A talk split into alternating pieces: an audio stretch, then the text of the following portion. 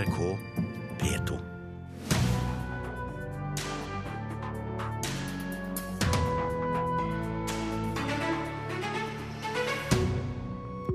Gjenoppbyggingen av Kongolandsbyen i Frognerparken får bred oppmerksomhet verden over. Ikke alle journalister forstår hva det handler om, sier kunstnerne. Terrortematikken tar steget fra de små, uavhengige teatrene opp på scenen til de store. Og utstillingsklare Elin Melberg bearbeider sorgen over farens død med å skape ny kunst. Ja, dette er blant sakene du hører i Kulturnytt i dag, i tillegg til litt om hvordan dyr snakker om estetikk. Du får sendingen levert med Birger Kolsrud Jåsund i studio. Den kontroversielle Kongolandsbyen som er under oppføring i Frognerparken i Oslo, omtales nå i medier verden over. BBC, Huffington Post og The Guardian har alle omtalt kunstprosjektet. Det har også medier i Australia og Hongkong. Bak, kunstnerne bak landsbyen mener rasismedebatten som prosjektet har satt i gang, ikke er unik for Norge. Her er det bare juks med skruer opp. Ikke helt autentiske hjelpemidler blir brukt for å sette opp det som ellers skal være en autentisk kopi av Kongolandsbyen i Frognerparken i 1914. Det hele til ære for nasjonen og Grunnlovens 100-årsjubileum. Den gang var landsbyen befolket av 80 mennesker hentet fra Senegal for anledningen. Men nå skal mennesker i flere farger bebo landsbyen gjennom sommeren. Lars Kotsner er en av de to kunstnerne bak prosjektet. Han forstår godt at utlendinger blir nysgjerrig på landsbyen som nå reiser seg. This isn't uh, a unique phenomenon for Norway. It's uh, something that's happened in so many different countries. Tematikken er ikke unik for Norge. Det skjer i mange land, sier Kotsner. Det han snakker om, er rasisme.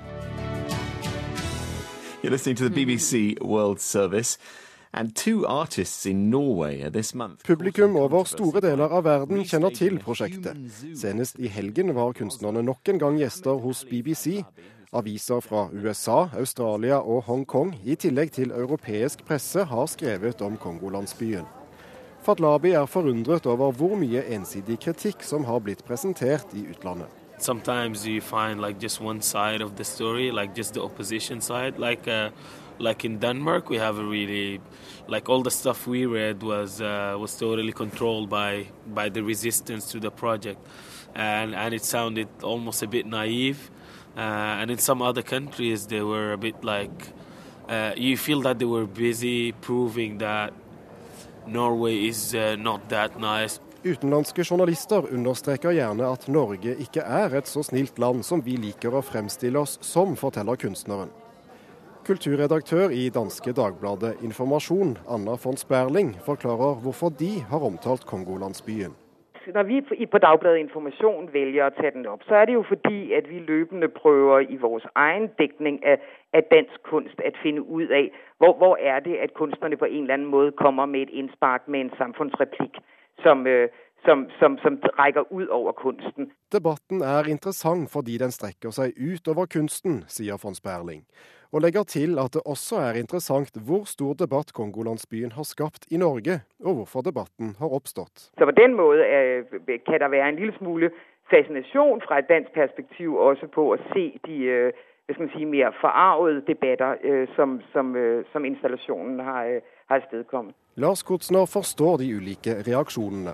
For det er vanskelig i vår tid å sette fingeren på hva som egentlig er rasisme, sier han.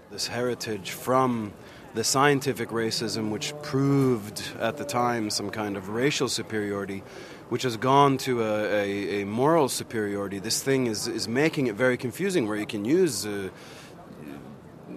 use terms like tolerance and openness and democracy as a way to, to exclude other people because you basically can say, you know, if you're not as open as us, you don't belong in this society. For nordmenn er toleranse, åpenhet og demokrati honnørord. Men Kutzner mener dette også er en form for rasisme, fordi det ligger under at vi er bedre enn andre. Målestokken er ikke lenger rase og hudfarge, men målingen fortsetter, ifølge kunstnerne. Og Sagingen og byggingen fortsetter frem til Kongolandsbyen åpner 15. mai. Reportere her var Åsta H.M. Hagen og Thomas Alvarstein Ove.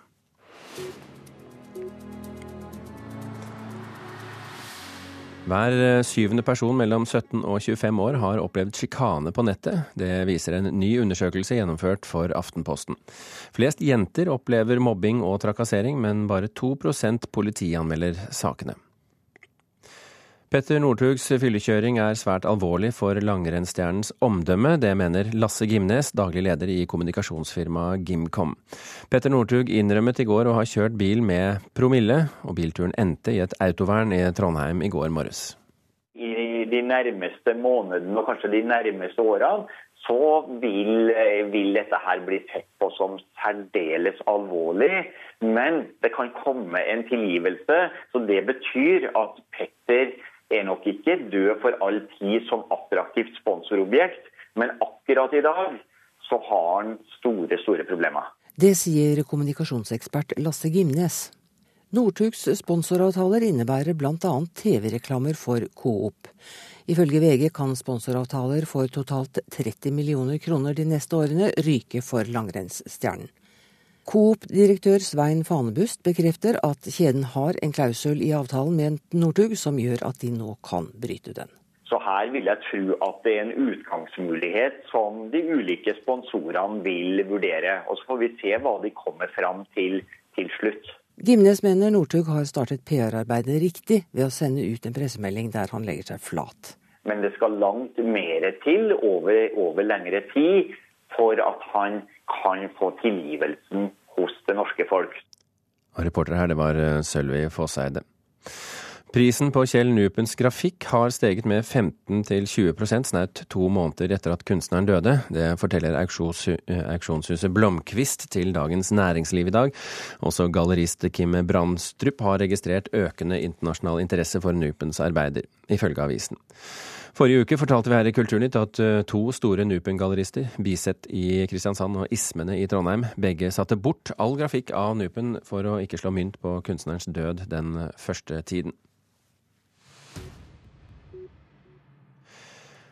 Også de store teaterscenene i Norge bringer nå terrortematikken opp på scenen. Hittil har det bare vært de små teatrene, ofte til store protester, som har turt å ta tak i temaet terror etter 22.07. Og noe av det som kommer på scenen som dramatikk nå, det har vært virkelighet for andre. Uansett hvor godt du klarer å rydde opp, så vil det alltid være ja, rester av, av personer eller lignende. Og det er klart, det, det setter jo sine spor, det. Krigsveteranen Marius forteller om den gangen han rydda opp etter herjingene til en selvmordsbomber i Afghanistan. Han er en av de som har kjent terroristens uføreseilige vesen på kroppen. Den kan jo være kledd eh, både som uh, militært personell, den kan være kledd som en sivilist. Den kan være inni et uh, kjøretøy, eller uh, i Irak så opplevde vi at de brukte døde dyr og, og plasserte bomber inni, inni de langs veien. Nå har Marius delt erfaringene han gjorde i møte med terroren med skuespillerne i teaterstykket 'Pearl of Scandinavia'. Du bringer oss nærmere Gud, nei, vi må drepe oss, det finnes en bedre utvei. Vær så snill, hør på meg, Adel! Vær så snill, ikke gjør det! Jeg vil ikke! Nei! Nei, jeg vil ikke! Vær så snill! Kamp på liv og død mellom terrorist og gissel i stykket som blir å se under Festspillene i Bergen i år. Stykket er et av ei rekke med terror som tematikk som har kommet etter 22.07-åtaka. Først dukka slike stykker opp på små, uavhengige teater, men nå er de på vei inn på de etablerte scenene. Ved Nationaltheatret har stykket 'Demoner 2014' tatt opp temaet, og under Festspillene i Bergen vil i tillegg til 'Pearl of Scandinavia' også det omdiskuterte Breivik-stykket 'Manifest 2083' bli vist. Vi ønsket da å utforske en terrorsituasjon, en fiktiv terrorsituasjon med ulike innfallsvinkler. Det sier regissør av Pearl of Scandinavia, Katinka Rydin Berge. For henne var det aldri aktuelt å skildre 22.07-hendelsene eksplisitt. Jeg tror det er for ferskt i tid, for meg i hvert fall. Eh, og jeg er ikke, jeg er ikke interessert i å gå inn i en hendelse, en historisk reell, eh, reell hendelse som, som berører veldig mange. Det er for, for tidlig. Eh, og jeg vet ikke om det nødvendigvis skaper noe mer forståelse. Men på utenlandske scener ser bildet annerledes ut. Både i Tyskland, Nederland og i Danmark har det kommet stykker som knytter seg tett opp til 22. juli, bl.a. ved å framstille Anders Behring Breivik på scenen. De norske teaterne har jo vært veldig tilbakeholdne lenge tenker jeg. Det sier teaterviter ved Universitetet i Agder, Zimke Bønisch. Hun tror det finnes et publikum for stykket som tar opp 22. juli direkte, også her i Norge. Jeg har reist til Tyskland og til, Danmark for å se disse stykkene. Og de har gitt meg personlig faktisk uh, veldig mye. Det håper jeg også at andre får, får anledning til her i Norge. Altså Mennesker som føler seg klar til å gå i den type teaterforestillinger, tror jeg kan, kan ha stort utbytte av det. Ja, Det sa altså Simke Bønisch til reporter Lars Ivar Nordahl.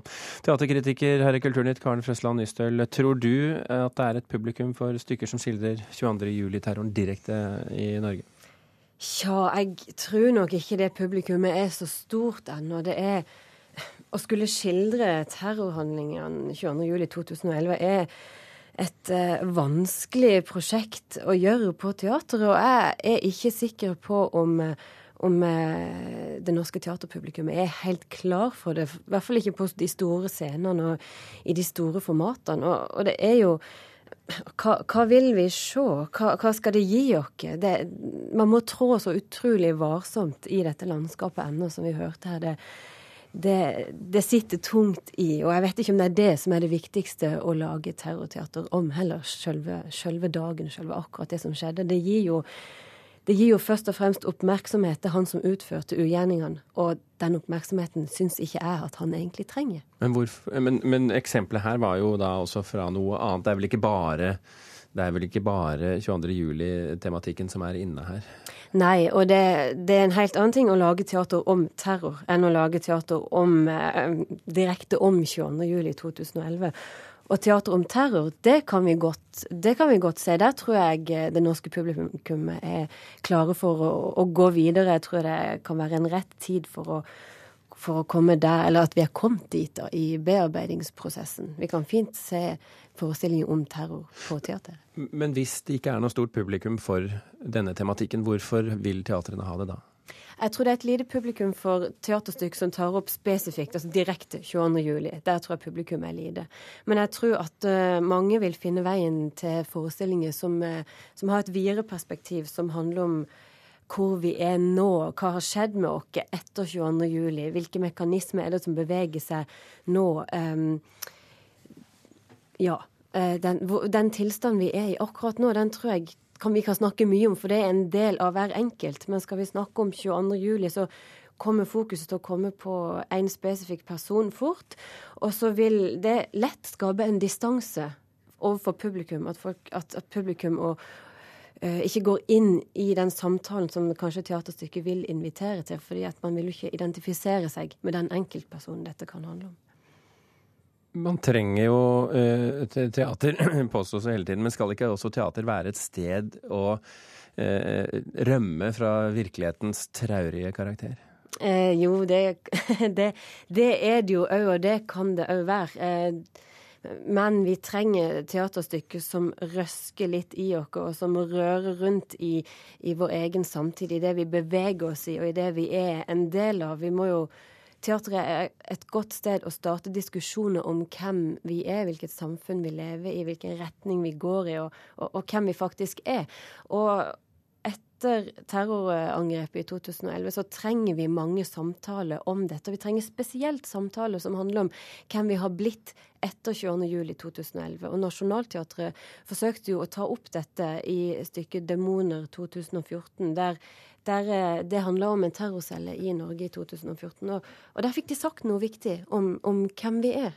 Eh, skal vi se teater som handler om, eh, om terroristen, så, så, er det å møte sin egen frykt. Men det er ikke, det er ikke noe som jeg tror vil trekke et stort publikum. Karen Frøsland Nysøl, takk for at du kom til Kulturnytt. Klokken er uh, drøyt 17 minutter over åtte. Du hører på Kulturnytt, og dette er uh, overskriften i Dagsnytt akkurat nå. Sponsorene til Petter Northug vurderer hva de skal gjøre etter at skistjernen i går ble tatt for fyllekjøring. Fremskrittspartiets nestleder Per Sandberg mener kronprinsparet er venstrevridd og vil avskaffe hele monarkiet. Og i den ukrainske byen Odessa demonstrerer folk mot at 60 pro-russiske aktivister er sluppet ut av fengsel.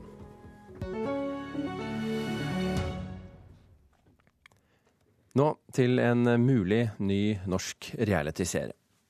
Både menn og kvinner kan være shamere, men det er som regel lettere å se på jenter at de ikke har sovet hjemme. Så hva skal vi se etter? 10 cm høye hæler. Raknede strømpebukser. Paljettkjole. Beveger vi oss høyere opp, er øynene kjelens speil veldig avslørende. Et rødsprengt blikk full av angst sier det meste. Ja, dette er fra traileren til uh, Walk of Shame, som er en av mange nye reality-konsepter som skal prøves ut på TV 2 denne uken. Samtidig går et nytt forskningsprosjekt i gang med å kartlegge norske reality-serier, og en av dem som er med på dette prosjektet, det er stipendiat Gry Cecilie Rustad ved Universitetet i Oslo. Velkommen til oss. Takk. Har du troen på konseptet med fulle folk og jenter som slåss uh, med hverandre for penger, og reality om one night stands? Det er litt vanskelig å si. Ehm, fordi det kommer veldig an på gjennomføringen og hvordan de klarer å vinkle programmene og sånn. Altså, man ser jo det tidligere at enkelte reality-konsepter som f.eks. Paradise Hotel og Honeybubu kanskje ikke er så ille likevel, fordi de kanskje tar um, siden til deltakerne litt mer enn det man kanskje skulle tro og fokuset på mediene skulle tilsi. Men hva må til da for at ting som ser litt sånn eh, ja, skal vi si, umoralsk ut, eh, blir bra reality-programmer like fullt? Ja, ta for eksempel dette Walk of Shame-programmet som dere sendte et lite lydklipp herfra. Nå har jeg ikke sett det, men det er jo veldig interessant, og det spørs veldig på hvordan de gjør det. Altså, man snakker jo en del i dag om såkalt slut-shaming, altså hvor man eh, henger ut, altså moraliserer over kvinner som eh, man mener har litt sånn løs eh, seksuell moral. Og det å kanskje, hvis dette er et program altså Det spørs jo hvordan de vinkler det. Hvis de fortsetter med slutshamingen, så er det jo kanskje ikke så veldig kult, men For det indikerer jo at det er skamfullt å bli med noen hjem? Men det kan jo også brukes som en slags sånn derre uh, Hvis det blir mer Ja ja, jeg gjør som jeg vil, så kan det jo kanskje bli mer befriende også. Så vi får se på gjennomføringen. Det er veldig vanskelig å uttale seg Um, veldig uh, Jeg syns i hvert fall det er veldig vanskelig å uttale seg moralsk om noe jeg ikke har sett ennå, og det ser man jo at forskere har ja, en tendens til å gjøre. Men, men, hvis vi ser på noen av konseptene til TV 2, så kan det jo være en fare for at de får brynt seg på noen etiske dilemmaer her. Vi snakker om at de skal ha fanger som skal rett fra fengsel, og så skal de på date. Eh, fulle folk i en bar er et konsept. Strippekonkurranse, strippekonkurranse, også da denne walk of shame, som jo kanskje indikerer uh, umoralen til enkelte kvinner for å si det i gåstegn. Um, tror du at de får brynt seg på noen etiske dilemmaer? Ja, jeg håper i hvert fall at de har gått igjennom og tenkt igjennom hva de faktisk viser, og hvordan de vinkler det. Uh, og som sagt, hvis uh, de ikke har gjort det, så kan mange av disse uh, konseptene være potensielt veldig problematiske. Men hva er tendensene i reality-sjangeren for tiden? Eh, jeg syns jo egentlig dette her var litt, uh, litt sånn interessant og rart. For jeg syns jo reality-sjangeren i seg selv har blitt veldig stuerein de siste ti årene. Altså hvis man tenker konsepter som 'Mesternes mester' og 'Hver gang vi møttes', så er jo det reality eller Idol, The Voice altså Alt dette er jo reality-TV, og det er jo million, altså en million nordmenn som ser på mange av disse programmene som 'Mesternes mester' så er den nye Hvis vi kan kalle dette en ny tendens, jeg vil jo ikke det, men hvis vi gjør det, det, en, det Treffer de riktig her i forhold til den tendensen som er internasjonalt? Eh, altså For min del så ser det ut som Altså man får en del oppstyr og sånn rundt disse store, litt sånn skandaløse, pikante eh, programmene. Men det er faktisk de programmene som faktisk tar disse deltakerne eh, litt mer på alvor som faktisk blir eh, mest altså, Og veldig ofte som handler om mennesker som kan noe. Altså sånn Hvem er flinkest til å bake? Hvem er flinkest til å lage mat? Eh, hvem er den beste idrettsutøveren? Hvem er flinkest til å tolke andre sanger? Som faktisk slår mest igjennom. Eh, og man ser jo også dette med Uh, nordmenn er jo også veldig glad i folk som konkurrerer i å være mest norsk, sånn som f.eks. i Farmen og 71 grader nord. Men vi gleder oss til å se det som kommer på TV 2 denne uken, og så kan vi heller se Ja, det blir veldig spennende. diskutere det når det hele er over. Absolutt. Uansett, tusen hjertelig takk, Gry Cecilie Rustad, for at du kom til Kulturnytt.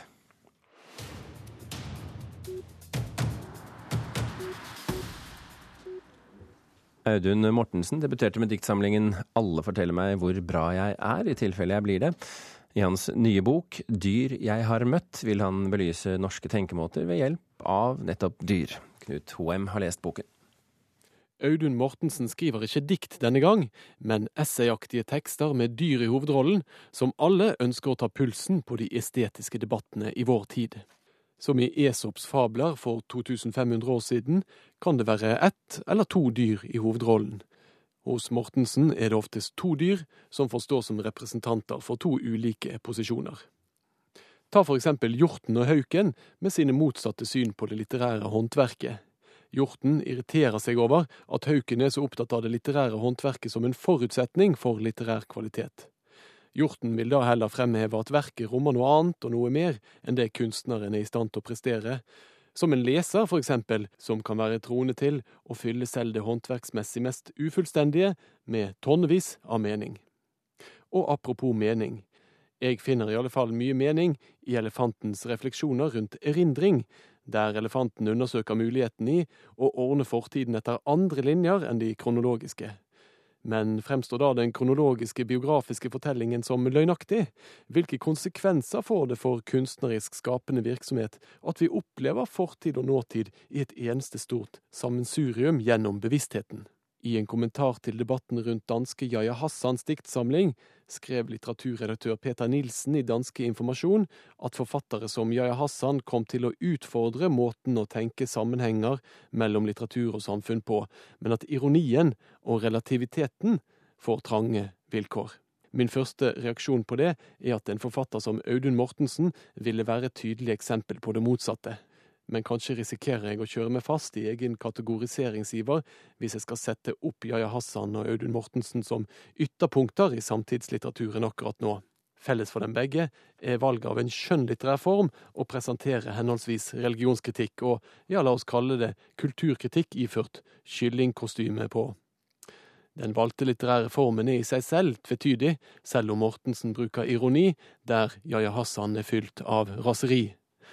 Hos Mortensen skal tenkemåter utforskes, belyses. Den utålmodige leser vil da kanskje rope ut Who side are you on, man? Rødstrupens eller rødstjertens? Nei, en eventuell stillingstagen overlater Mortensen til leseren, sånn er det bare. Dette er en litteratur som trives best i rom som oppstår mellom ulike synsvinkler. Ja, det sa vår anmelder Knut Hoem.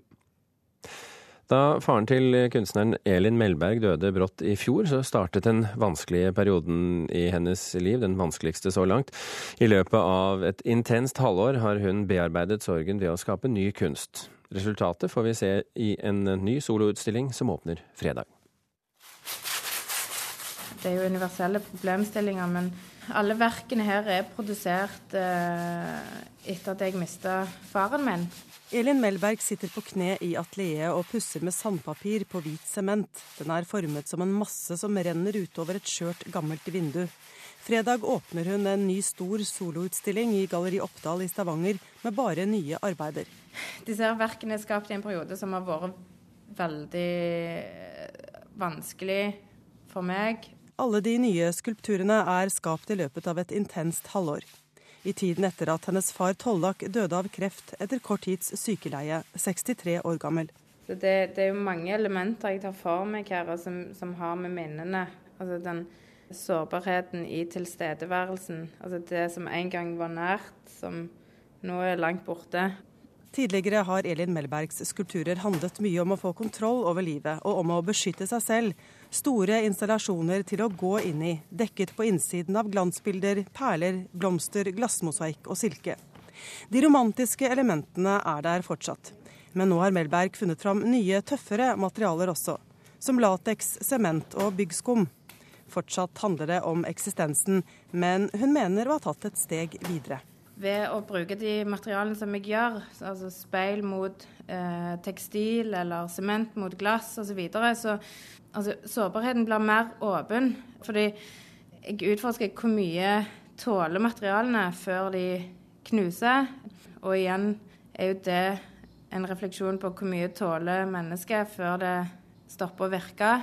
Er dette sånn, det er ikke personlige eiendeler? Eller? Jo, dette er en gammel eh, kjole som jeg har hatt mye moro i. Over en tom bilderamme med lysegrønt byggeisolasjonsmateriale boblende opp fra gulvet, henger en av Melbergs blomstrete ermløse chiffongkjoler, og det er lett å se at den er godt brukt. den er ødelagt av altså, de stygge svetteringene av gammel moro. Så det er noe som igjen Ting som du ikke kan få tilbake. Eh, ting som har vært, ting som er lukka. Vi er jo med og prøver å flytte på store skulpturer som veier mye. og så er det jo en spenning. Vi deler virkelig det, vil jeg si. Og alle ser jo fram til åpningen. Helene Ødegård er daglig leder i kunst- og kulturfellesskapet Eirfjordgata 8 i Stavanger øst, der Elin Melberg har atelier og visningsrom sammen med flere andre kunstnere. Ja, delt, delt glede og delt sorg. Ja. ja. ja. Det kollegiale fellesskapet har blitt enda viktigere for Melberg nå. Faren Tollak var forretningsmann, bl.a. kjent som innsamlingsleder for det nye konserthuset i Stavanger. Da han døde, mistet hun ikke bare en kjær far, men også en viktig rådgiver og sparringpartner. Han ga meg jo veldig mye sjøltillit i det å tørre å gutse på en annen måte. Sant? Og, og tørre å være mer direkte, mer klar. Tørre å sende den mailen, tørre å ta den telefonen. Og han var en, en veldig god samtalepartner som jeg savner. ja. Til sommeren skal Stavanger kunstmuseum vise fram Elin Melbergs installasjon I Wish, I Wish, I Wish in Vain, det røde drømmerommet som er kjøpt inn av museet. Fredag åpner utstillingen Float i Galleri Oppdal med bare nye verker. Fordi hardt arbeid var eneste måten å møte sorgen på for Elin Melberg. Det er om å gjøre å holde seg flytende, tenker jeg. Og den intensiteten i det har jeg tatt inn i verkene. Ja, Det sa kunstneren eh, Elin Melberg til reporter Anette Johansen Espeland. Kulturnytt er slutt, og fikk du ikke hørt oppsaken vår i dag, så kan jeg fortelle at den handlet om at gjenoppbyggingen av Kongolandsbyen i Frognerparken får bred oppmerksomhet verden over. Ikke alle journalister forstår hva den handler om, sa kunstnerne til oss. Kulturnytt eh, er altså slutt. Hanne Lunås, Gjermund Jappé og Birger Kolsrud Jåsund takker for følget. Anne Jetlund Hansen og Nyhetsmorgen tar nå over.